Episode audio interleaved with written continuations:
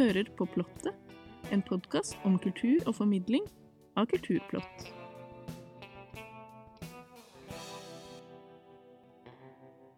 Denne julen har vi besøk av hele 29 artister. De gir oss et innblikk i det de liker aller best – musikk, formidling og kreativitet. I hver episode får vi også en tekst om mytene ved julen, skrevet og fremført av forfatter, dramatiker og mytolog Terje Nordby. Så her er det mye å glede seg til. Mitt navn er Ellen Lund.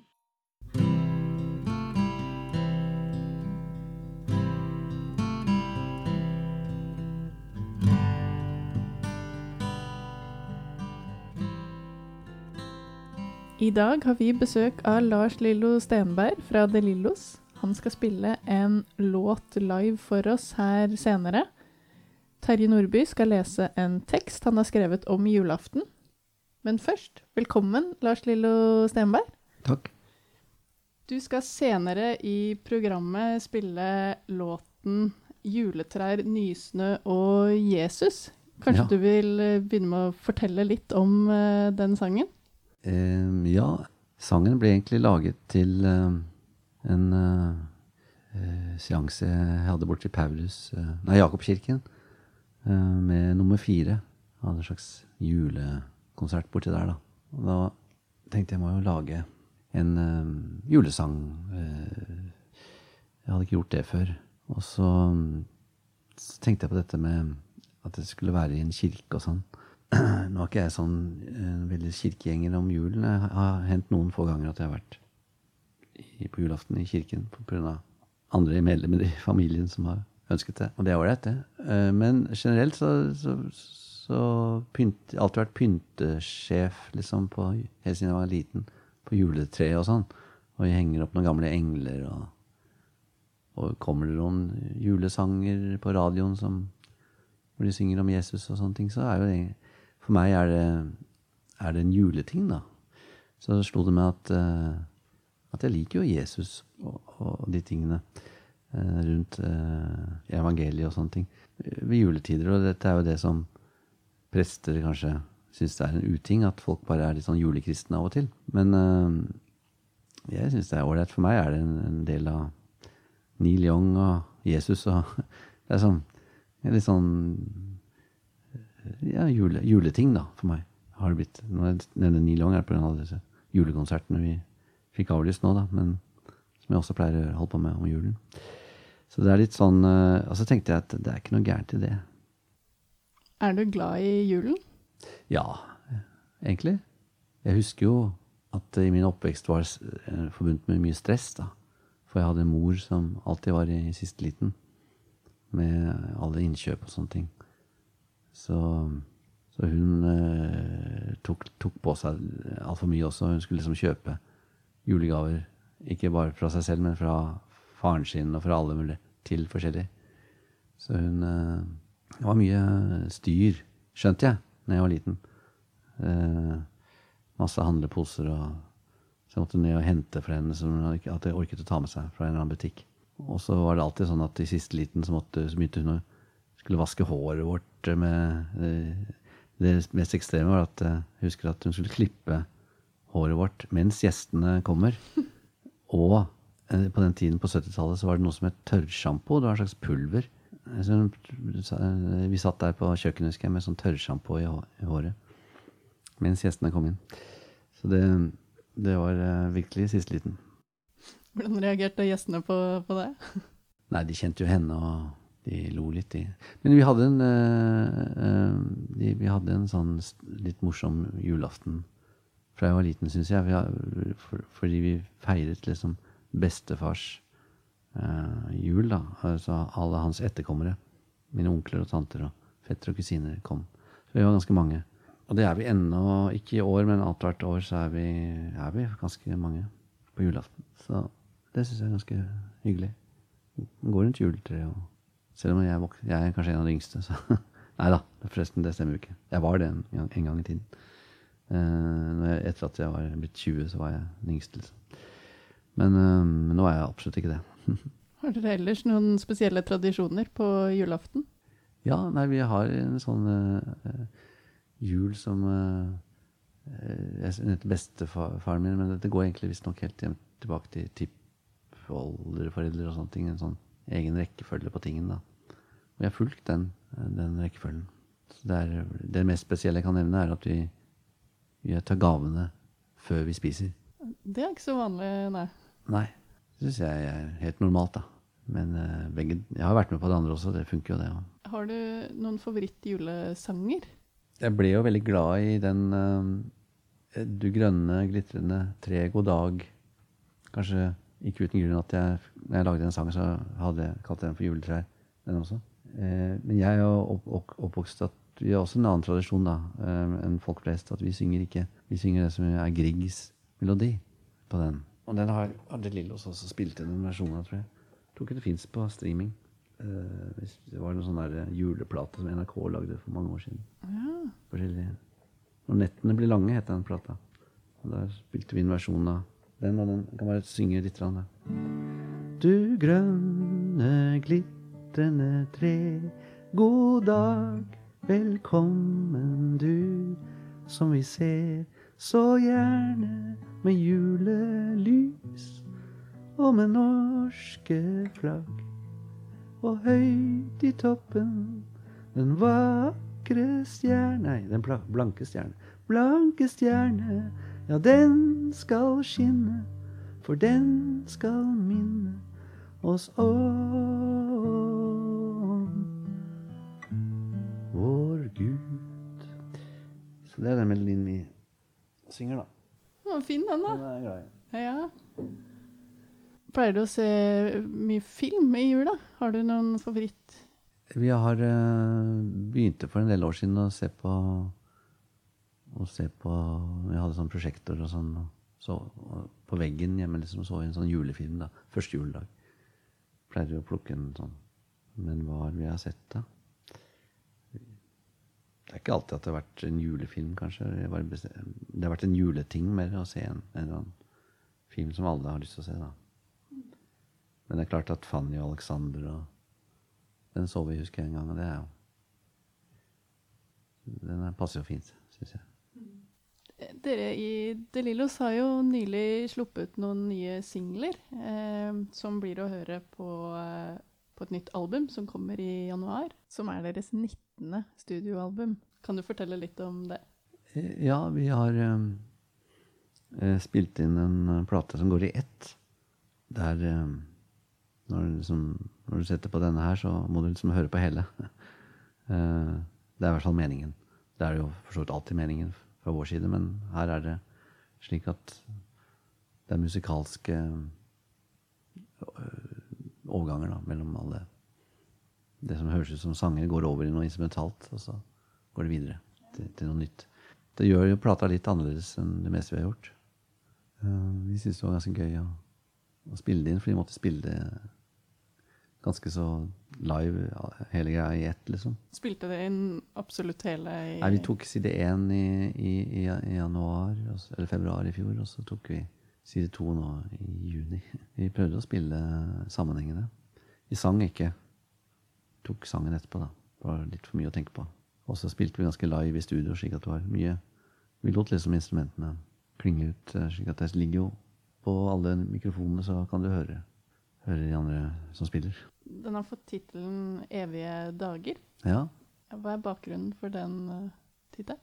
det ble et, eh, sånn plutselig noe som bare kom til o- oss at det var en fin tittel.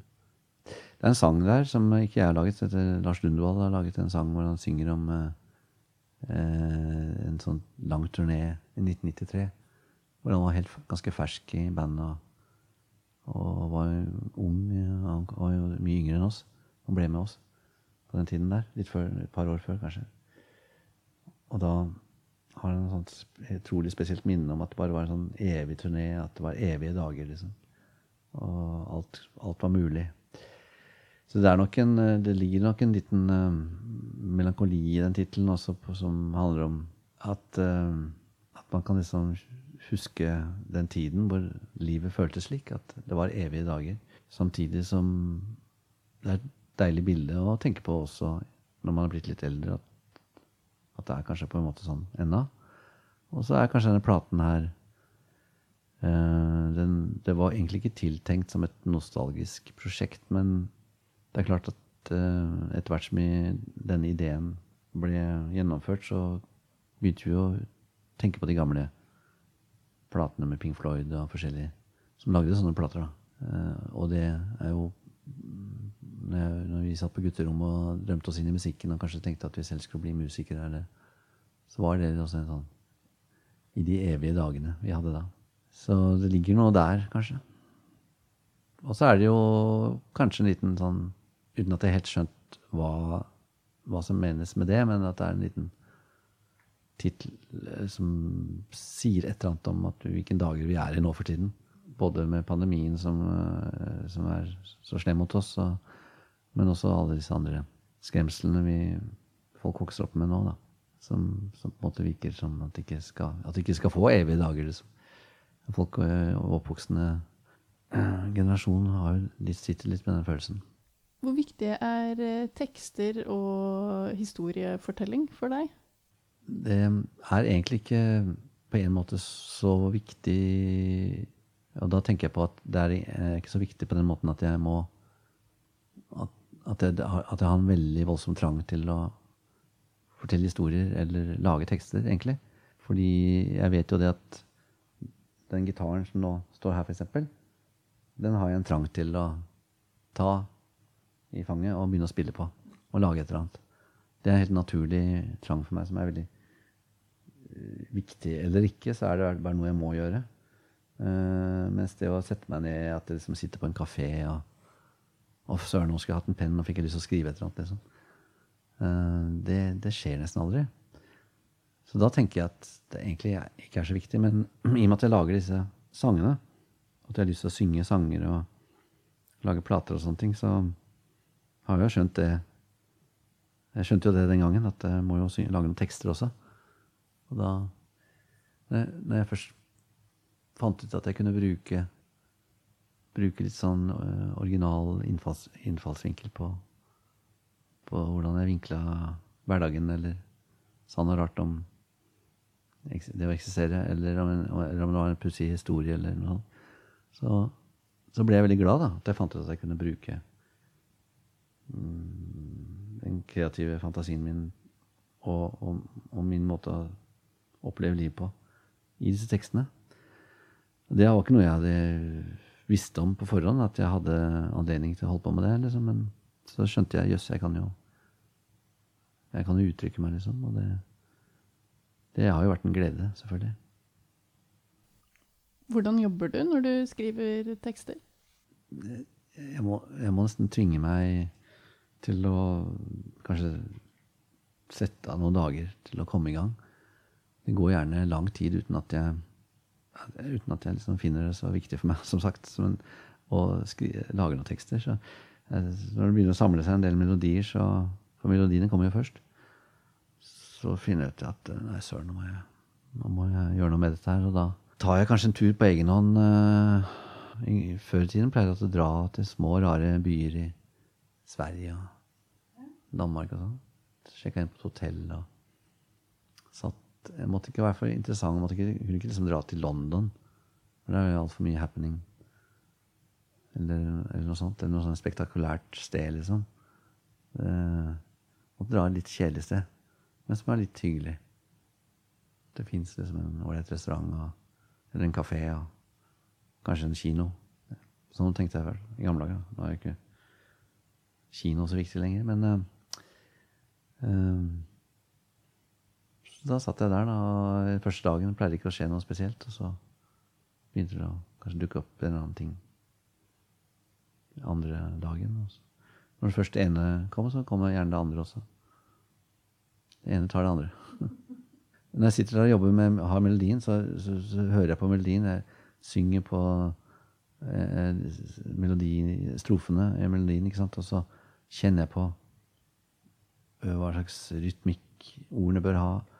Um, jeg smaker på forskjellige setninger. Jeg bare finner på helt uvilkårlige setninger som ikke har noen mening, men som bare er noen ord. Uh, for å kjenne på Går det an å synge disse ordene på akkurat den? Og så hører jeg nei, det blir det, det, er vondt å synge det, og det passer ikke. Og det er ikke noe kult som skjer med, Mm, Og så prøver jeg noe annet. Og så plutselig, der var det et eller annet, ikke sant? Så hører jeg Det var litt det, det. Og da får jeg både musikken og den lille informasjonen som de ordene gir, kan dra meg i gang, da.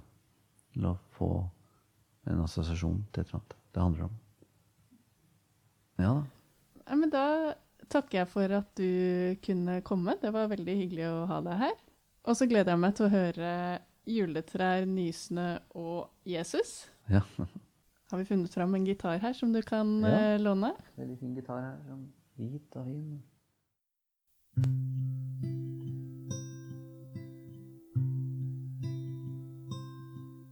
Ut i mai vil jeg nyte duft av syrin. Opp i havet i august og juli. Gjerne dra i september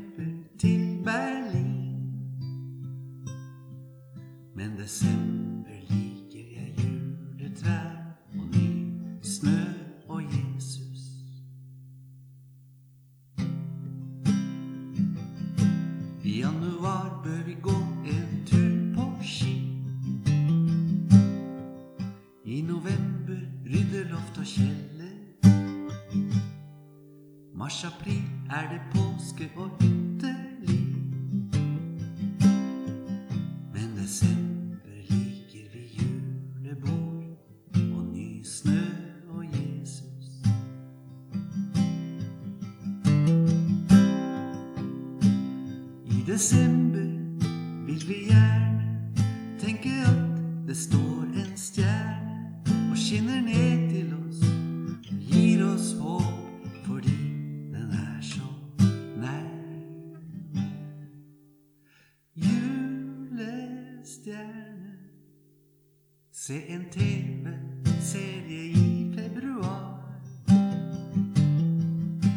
På sommerfest i juni. Spise fårikål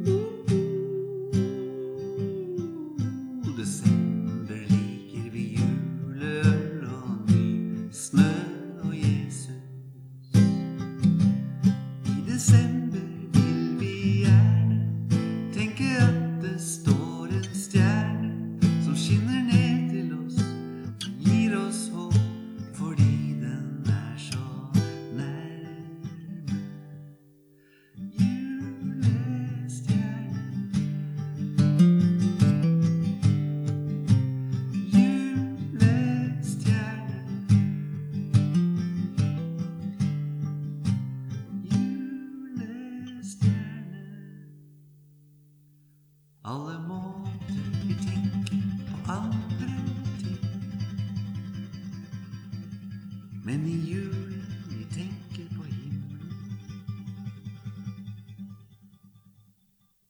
Vi får håpe en dag vi slipper inn. For desember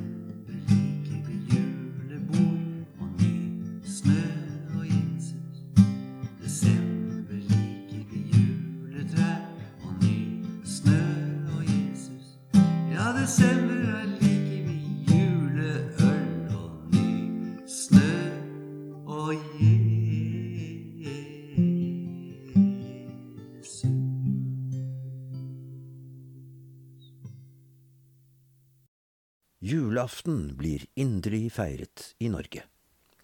Nå feirer vi med stearinlys, tradisjonsmat, gaver, juletre og kjernefamilien i midten. Tidligere dekket man også opp til døde familiemedlemmer. Vi markerer livskraft gjennom juletre, fuglenek og halm. I sentrum står Gud som ble menneske, Josef og Maria, hyrdene, englene, de vise menn, stjernen og kong Herodes. I middelalderen holdt folk våkenetter med fest før kirkelige helligdager. Slik forskjøv tyngdepunktet for julefesten seg fra juledagen til kvelden før. Svinekjøtt er den eldste julematen. Gris var offermat. Fisken har røtter tilbake til katolsk tid, da man fastet før julehelligdagene.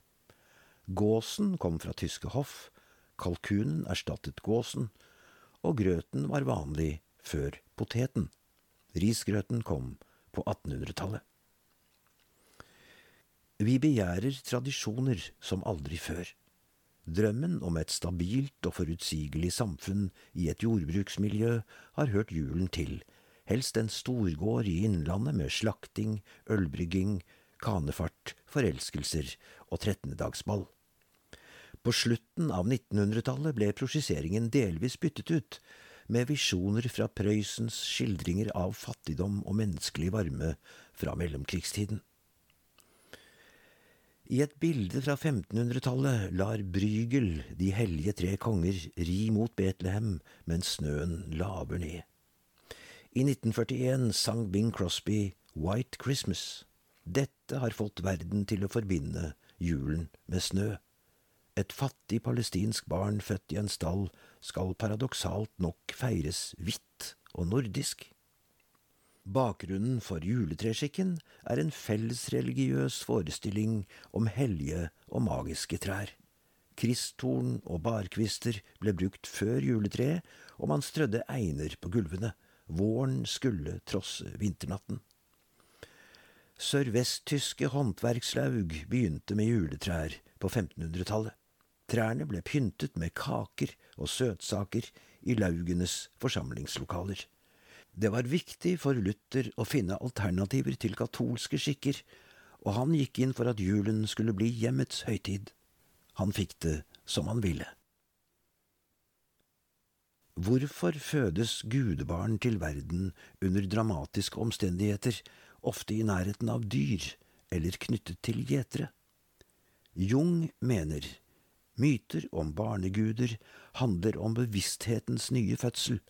Derfor er barnet frelser. Fødselen tilsvarer den mystiske opplevelsen i selvets frigjøring. Farene, som Herodes dødskvadroner, representerer de store vanskelighetene i virkeligheten. Den som konsekvent vil legge ut på den indre reisen helt til målet, trues av fiender. Men naturen, representert ved dyrene og stallen, er på individets side. Om julen er en feiring av livet, Frelseren eller våre mystiske muligheter, forenes vi julaften i kjærligheten til barnet, verdensbarn, våre egne barn, Jesusbarnet eller barnet i oss selv.